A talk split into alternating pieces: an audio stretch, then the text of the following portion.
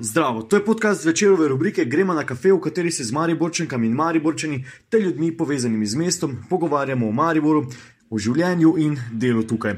Tokrat smo na kavo povabili Anito Hrast, direktorico Inštituta za razvoj družbene odgovornosti in direktorico marketinške agencije Nabium ter predavateljico na Dobi. Rodila se je v Ljubljani, se pri osmih letih preselila v Ruše, od začetka študija pa več kot dve desetletji živi v Mariboru. Anita Hrast se 15 let ukvarja z družbeno odgovornostjo. Inštitut, ki ga vodi, je decembra 11. podelil Horuse nagrade za družbeno odgovorna podjetja. Srečali smo se v Čajeku. Anita, hras, pozdravljen na kafeju. Lep pozdrav, hvala za povabilo. Uh, zakaj čajek? Zakaj čajek?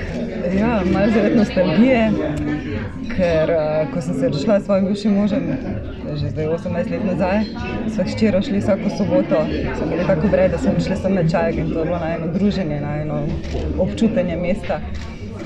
Takrat, v bistvu, kot mama samo hranilka, pač si nisem mogla kaj več privoščiti, da bi ne vem, kam se je pogala, pa čaj.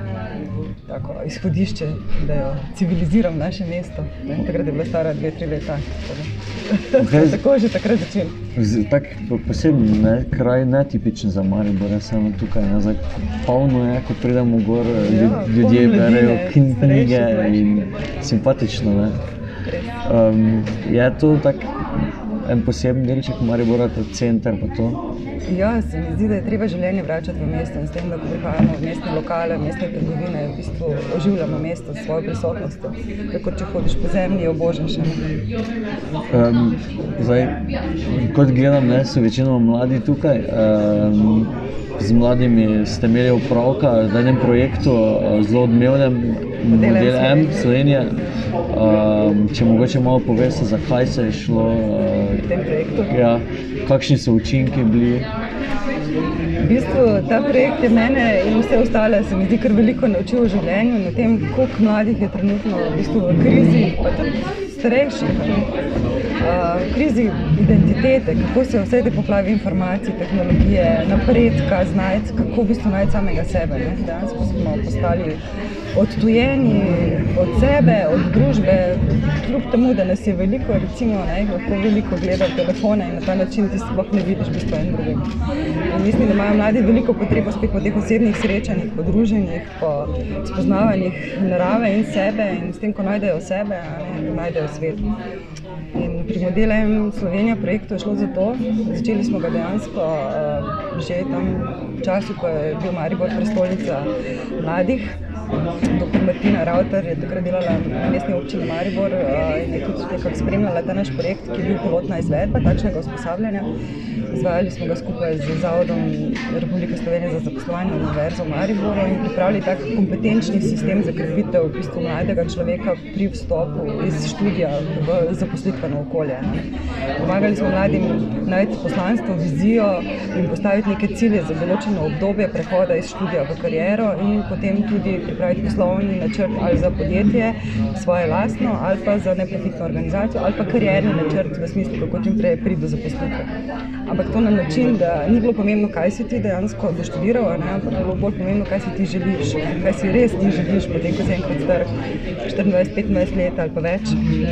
Da niso to želje tvojih staršev, tvojega okolja, tvojih učiteljev, ampak tvoje lastne. Ne. Mogoče si dober v kuharstvu, pa si že doktoriral iz nečesa, pa ni nujno, da moraš delati na področju doktorata. Lahko ti začneš dober samostojen posel v gostinstvu ne, in si srečen pri tem. Sem se pogovarjala s svojim frizerjem, ne, ki uh, bi pa en zeleni čaj, prosim. Kateri pa? Um, vseeno, kar je bilo. Um, se pravi, uh, on je frizer, ne, uh, pa ima prijatelja, ki dejansko je pa, Hvala. uh, prevajalec, magistriral in najde službe. Ne. In je rekel, kako je srečen, da je frizer, ker dejansko si lahko zasluži, lahko si je že kupil stanovanje, ne.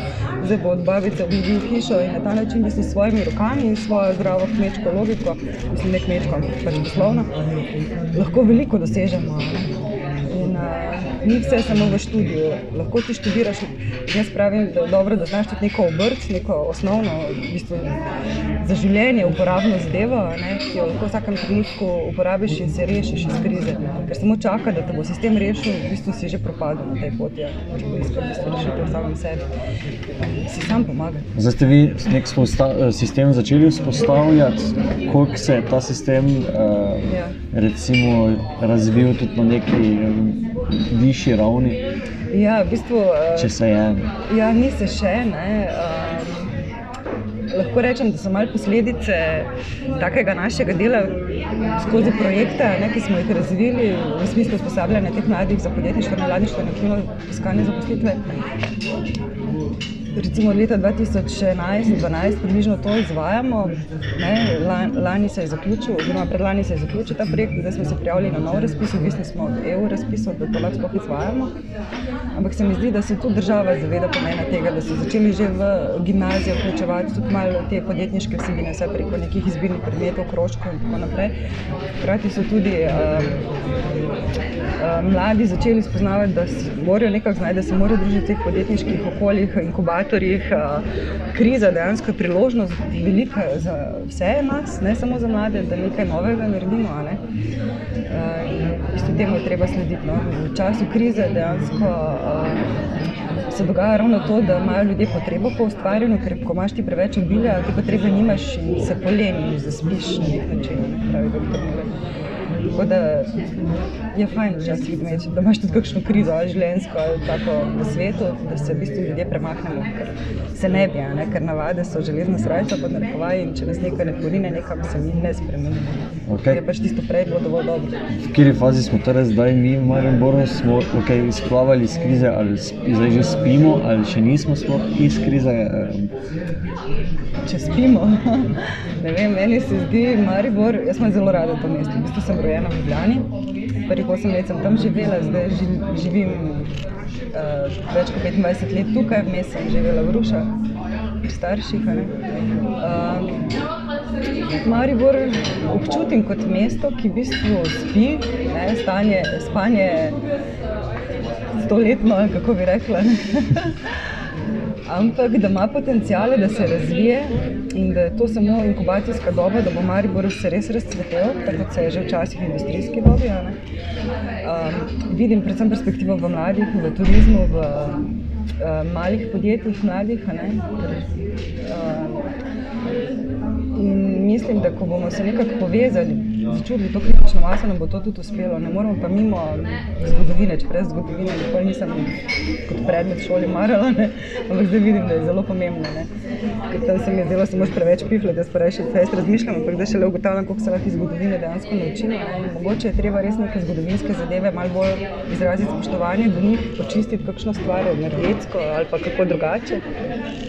In uh, bo šlo Mariboru tudi lažje. Katere so te zgodovinske stvari, ki pač vplivajo na trenutno stanje v Mariboru? Ne vem, jaz zdaj pač ne poznam tako dobro zgodovine v celoti, ne priznam. Ampak po občutku lahko rečem, da kot sem zdaj gledala, ne, te rove, v katerih so dejansko proizvajali propelerje za drugo svetovno vojno, pa še kaj drugega. Ne, da dejansko naša industrija se je res razvila tudi s pomočjo tega tukaj. Ne, in je v bistvu mogoče celo prav, da je tudi zamrla, ne, ker dejansko mogoče s temi zadevami bilo veliko ljudi ubitih, ne, ki so se tudi tu proizvajali. Ne, in mogoče bi na ta način um, zdaj, mogoče neko pokoro doživljamo tukaj ali kaj podobnega. Ampak mislim, da je zdaj že počasi dovolj tega, ne, da je treba samo še razmišljati, kako naprej. Um, sem pa primerjala, ko smo imeli ta prek modela M Slovenija, sem se vozila po recimo, sedmih mestih po Sloveniji, tudi bivala sem tam po 15 dni, ko smo usposabljali na ta projekt po programu usposabljanja in sem v bistvu videla, da sem poskušala zaznati, kako se s katerim mestu počutim. Ne? In so res prav prijetna mesta. Uh, in tudi v bistvu ne vem, zakaj je ta odnos med Ljubljano in Mariborom, da bi se zdaj nekdo nekomu a veš, v bistvu zamerjal. Ne? Uh, mogoče sami sebi neke ovire postavljamo. Ne? In mogoče dejansko Maribor niti ni tako bogi, kot se mogoče dela bogega. Ne? Mogoče ima Ljubljana tudi svoje probleme. ne. Je že res, da se tja več mogoče kapitala koncentrira, ampak vse smo pa tudi mi sposobni, ne, ne rabimo s prstom kazati na druge, dajmo mi nekaj pokazati. Ne. Inštitut, ki sem ga ustanovila, ima sedež v Mariboru, delujemo po celi Sloveniji mednarodno, dosegamo pač vsaj moralno in strokovno kar velike uspeha. Ne. Uh, tudi v bistvu, veseli so naše nagrade, Horus, ki jo podeljujemo uh, v, v vsej Sloveniji. Uh, to ne pomeni, da se tukaj nič ne da. da se, ne. Je mogoče bolj naporno, ampak zato se pa to več naučiš in v bistvu tudi uh, večje zadovoljstvo je potem pri takih uspehih. Omenili ste inštitut. Um, Z družbeno odgovornostjo se ukvarjate že kar nekaj časa. Uh, 15 let. 15 let, koliko je od takrat napredovala družbena odgovornost slovencev v Mariborčanu ali pa podjetij? Uh, Jaz mislim, da je zelo veliko. Ne?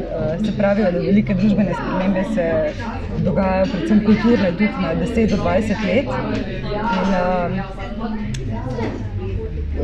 Naš inštitut je star zdaj 15 let, ko sem začela, v bistvu se v medijih je mogoče v enem letu pojavilo šest besednih zvez družbena odgovornost v objavah, ne, kot smo spremljali s pomočjo press clippinga. Uh, zdaj v bistvu jih je že vsak dan več kot kakih deset in Jaz mislim, da se je v zavest tako podjetij kot eh, posameznikov to že precej uveljavilo. Edino, kar ne bom rekla, da me moti, ampak pač ne razumem čisto dobro, ne, dojemam pač na nek svoj način je to, da Slovenija ima veliko aktivnosti na področju družbene odgovornosti, že tudi strani vlade narejenih, ni pa to povezano v neko tako skupno strategijo, kjer bi lahko rekli, to pa je naša ogrlica in jo pokazali svetu. Tako zelo razdrobljene so zadeve in mogoče ta razdrobljenost je tako zelo tipična za Slovenijo. Ne. Zdaj, ko pogledam, koliko nareči imamo v Sloveniji, mogoče pač to povezavi tudi s tem, da nas je od različnih koncev skupaj združenih in smo po svoje tudi zelo močni, da nas to tudi dela posebne in nas krepi na nek način. Um, zdaj, pomeni ste to razdrobljenost in da ni strategije. Um, kak, kakšna bi pa bila primerna? Mislim, Strategija? Ja. ja, v bistvu Evropska unija je že leta 2012 rekla, da naj bi do tega leta vse evropske države članice imele takšno strategijo. No, v Sloveniji 20. 12. Pa, od takrat do Od 2011 do 2014 ne, je bila strategija Aha. Evropske unije na temo družbene odgovornosti izpostavljena in rekli so, da bi države članice do leta 2012 naj poskusile imeti tako strategijo. No, mi take konkretne nimamo, imamo pa strategijo razvoja Slovenije ne, do leta 2030, v kateri so pa že vključeni cilji trajnostnega razvoja, agenda 2030, to so uh, cilji, ki so jih Združeni narodi leta 2015 postavili, kot pač, da spremenimo skupaj svet. No in dejansko trajnostni razvoj lahko dosežemo samo, če smo družbeno odgovorni. Se pravi, družbena odgovornost je neke vrste orodje za dosego trajnostnega razvoja. Družbena odgovornost pomeni, da se zavedamo vplivov, ki jih imamo na okolje in na skupnost, Hvala. uh, se pravi na družbo, uh, in da v bistvu skušamo zmanjševati negativne vplive in povečevati pozitivne. In to velja tako za podjetja, kot za organizacije, kot konec konca za vlade, multinacionalke, posameznike. In če tako delujemo, potem prispevamo k trajnostnemu razvoju. Trajnostni razvoj pa pomeni, da eh, čim manj onesnažujemo okolje oziroma poskušamo ohraniti obstoječe vire, ki smo jih dobili naravne takšne, kot smo jih mi dobili za prihodne generacije. Da se ne zmanjšajo ti naravni resursi in uh, podjetja že morajo tudi poročati, sploh velika, od leta 2017, tudi v Sloveniji, o treh vidikih uh, poslovanja. Se pravi, eno je finančni, kot je bilo praksa doslej, drugo je odnos do okolja, pa odnos do družbe. Kot ga ima podjetje. Se pravi, v letnem poročilu bi morala velika podjetja z več kot 500 zaposlenimi, ki jih je v Sloveniji okrog 50, poročati pač tudi teh kazalcih. Je pa to dobro tudi za vsa druga podjetja.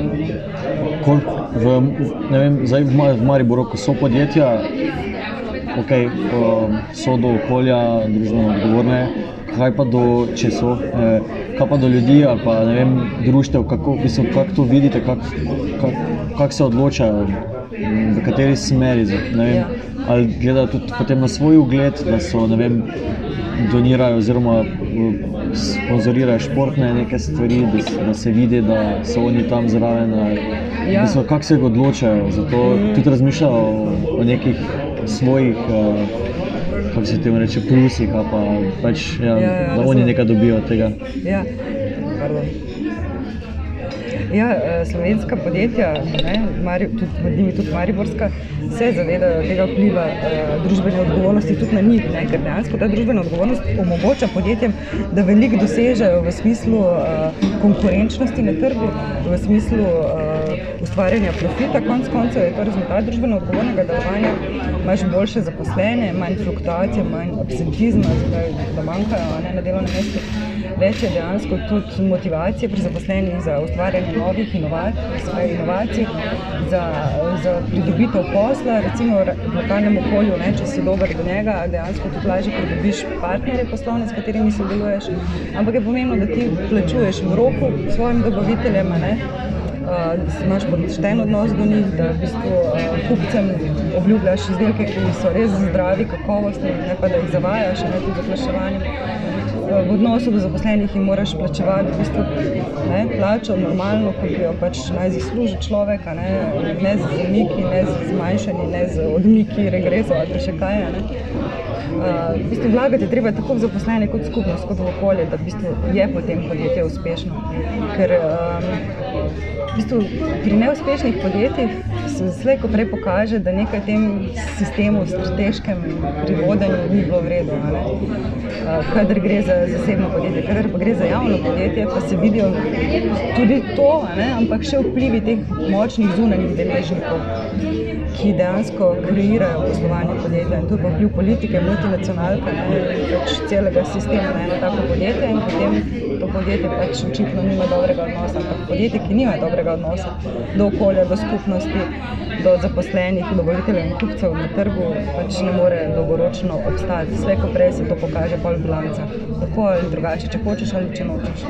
Kaj se vidi, da, vem, da je v decembru največ družbene odgovornosti tudi za ceno tega, da v bistvu svojo vest malo uh, pokrijemo? Ja, gre tudi za kri. Ne? Razumevanje družbene odgovornosti je bilo v preteklosti, predvsem v tem, da mora biti podjetje um, dobrodelno, se pravi, da daje sponzorstva, donacije. Ampak to je samo en mali košček družbene odgovornosti. Še bolj pomembno kot to je ta odnos do zaposlenih, odnos do kupcev in dobaviteljev, do okolja, do skupnosti. In vse skupaj mora biti dobro zvodeno, da je v bistvu podjetje potem uspešno in res družbeno odgovorno. To mi z nagrado Horus recimo merimo pri podjetjih in drugih organizacijah. Um, samo dobrodelnost in sponzorstvo, to je v bistvu lahko rečemo v podjetniškem trendu pa se, ni več, ni več moderno biti sam to. Bolj pomembno je, da res skrbiš za vse te zadeve, hkrati pa da tudi to izvajaš. Je pa veliko tudi v svetu organizacij, podjetij, ki pa pač uh, si skušajo na ta način oprati mi. Ni dovolj, da ti vlagaš recimo zdaj v sponzorstvo, pa donatorstvo, po drugi strani pa ne daš svojim zaposlenim plače ali pa ne vem, gume nekam zakoplješ v okolje in ne zdržuješ pitno vodo. Kaj pa če govorimo samo o posameznikih, verjetno tudi o tem, marsikaj veste, kaj, kaj recimo bi bilo smiselno zdaj ob začetku novega leta ja. eh, sugerirati Marijočanom, kako naj bodo bolj družbeno odgovorni, na kak način, čist preprosto. Če izhajam iz sebe, ja. bistvu, uh, sem ugotovila v 15 letih, da sem se premalo z svojo osebno odgovornostjo ukvarjala, kar pomeni, da sem se premalo uh, Ker v bistvu družbena se začne z osebno odgovornostjo. Dejansko eh, eno je, da ti ločuješ odpadke, da vrčuješ z energijo, da imaš pospravljeno stanovanje, da imaš preveč krame, motora. Ne? Drugo pa je, kakšen je tvoj življenjski slog, ne? koliko si vzameš časa za spanje, koliko v bistvu športaš, koliko se zdravo prehranjuješ, koliko skrbiš za svoje finance, kakšen odnos imaš do svojih družinskih članov, do partnerja, do sodelavcev. Do mesta kot takšnega. To je vse zelo pomembno. In, uh, ta prepričanja, ki smo jih dobili kot otroci, ne, tudi od svojih staršev, nas, če hočemo ali nočemo, spremljajo. Ne. In v bistvu to, da ti ta prepričanja spremeniš, če so dobra ali slaba, pač je nek proces, ki se moraš celo življenje na nek način učiti, da, da živiš na to odgovorno. Ampak vse se da, ne. Ni, ni pa nihče popoln, bom rekla, ne podjetje, ne posameznik, ne, v tem smislu odgovornosti, da bi lahko vse samo pravilno delal, tako kot je Jim Janka, ne, vsakem dobro, tudi nekaj slabega. Tako je tudi pri družbeni odgovornosti. Lahko se trudimo biti čim bolj pač odgovorni, ampak v vsakem primeru že s tem, da dihamo, ne, lahko onesnažujemo. In uh, pravijo, da ko si popoln, že več nisi za ta svet, si že za nauka. Čim bolj se temu približujemo, ampak vse v mejah normale, da sami sebe zaradi tega ne uničujemo. Okay.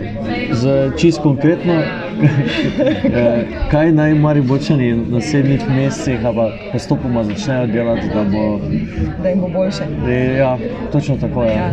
To družbeno odgovornost, seveda, kot ste že povedali, vplivamo tudi na svoje ja, uh, življenje. Jaz bi rekla, imejte radi sami sebe, eh, svojo družino in svoje mesto. Vse se začne v družini in pri samem sebi. Uh, dati si dovolj časa, ne samo za tehnologijo, ampak tudi za druženje z vam dragimi. Uh, vzeti si čas za biti v naravi, ker tam dobimo energije, ki jih v stanovanju ne moremo. Uh, in s tem, ko smo povezani z naravo, smo manj odvisni od tehnologije in bolj začutimo drug drugega na ta način lahko več oblikujemo in prispevamo k boljšemu jutru. Ali se mogoče filozofsko sliši? Ampak... Ne, sliši se zelo. Uh, Zelo egoistično, ne, da, da si družbeno odgovoren tako, da v bistvu se posvečaš sebi. Ja. Ker če pogledaš ne, svoje telo, dejansko tvoje telo je sestavljeno iz celic. Ne? In če vsaka celica tvojega telesa predihana, zdrava, povezana z drugo, ne, potem tvoje telo funkcionira dobro. Če pa to ni, potem tudi tvoje telo ne more dobro funkcionirati. So neke blokade noter in potem zboliš. Tako je v bistvu z mestom, tako je z družino, tako je z državo, tako je s podjetjem. V bistvu vsi smo organizmi, ne, bivamo v tem svetu, smo del narave, smo soodvisni, z drugim povezani. Pa če to hočemo ali pa nočemo. Ne tudi tisto ogenj zdaj v Avstraliji, ne? tudi kakšen jedrski zbuk, je druge, vse, vse pride okrog, imamo poščavski pesek, Maribor, časno, še kaj drugega. To so stvari, ki jih ne vidimo, ne? vplivajo na nas.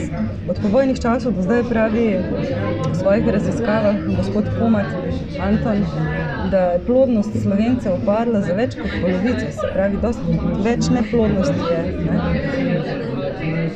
kar pomeni, uh, da izumiramo? Če ne živimo zdravo. Zato je to zelo egoistično in zelo potrebno, da smo takšni, da se zavedamo tega, kaj pomeni biti zdrav.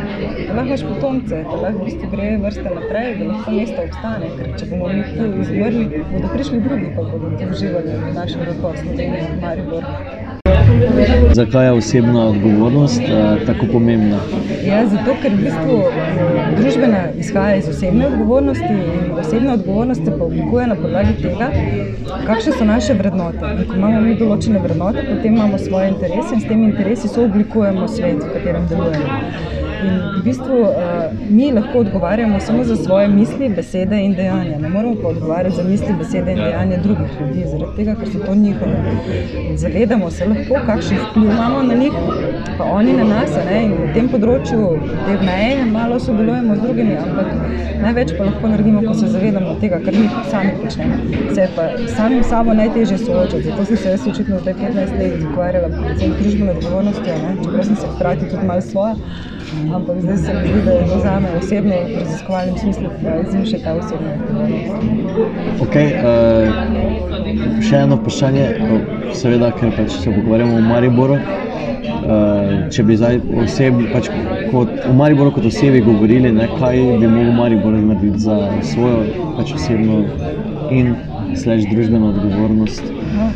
Ja, v bistvu Marijo že lahko veliko naredi, da recimo se na občini zavežejo, da bodo izobrazili vsaj eno osebo za področje eh, družbene odgovornosti in trajnostnega razvoja, ki bo znotraj občine potem spodbujala že samo občinsko upravo in pač eh, zaposlene na občini k družbeno odgovornim delovanju.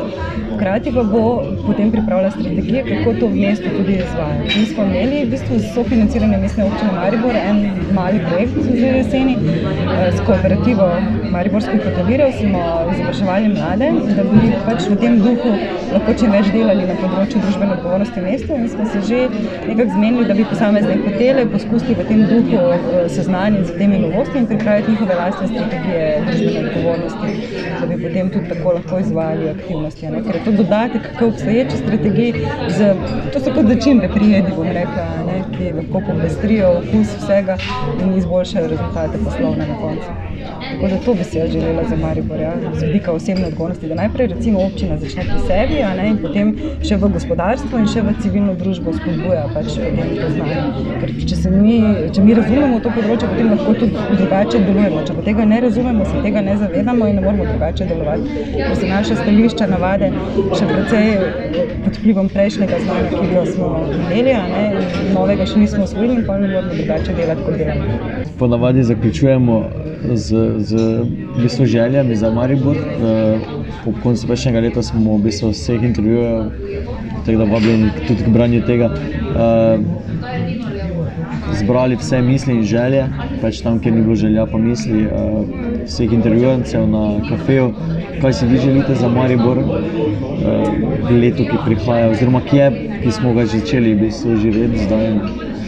Ja, ko sem potovala po Sloveniji, sem videla, kako imamo v bistvu Štajerci radi Maribor. V bistvu Štajersko kot takšno, Maribor kot takšen. Jaz tudi, čeprav sem rojena tam, oče je v bistvu uh, Rušan, mati je Ljubljančanka. Uh, živim večino življenja zdaj tukaj v Mariboru in v bistvu, kaj si želim za Maribor? Da bi bilo še naprej tako lepo mesto, da bi znali spoštovati to mesto, da bi ga imeli radi, tako mladi kot stari in da bi se čim več mladih v bistvu zadržalo tukaj in uživalo življenje, ki je res ravno taka prava kombinacija civiliziranega mesta, a, ki ni prenaseljeno, ki ima še veliko naravnih danosti, ki ima potencial za razvoj.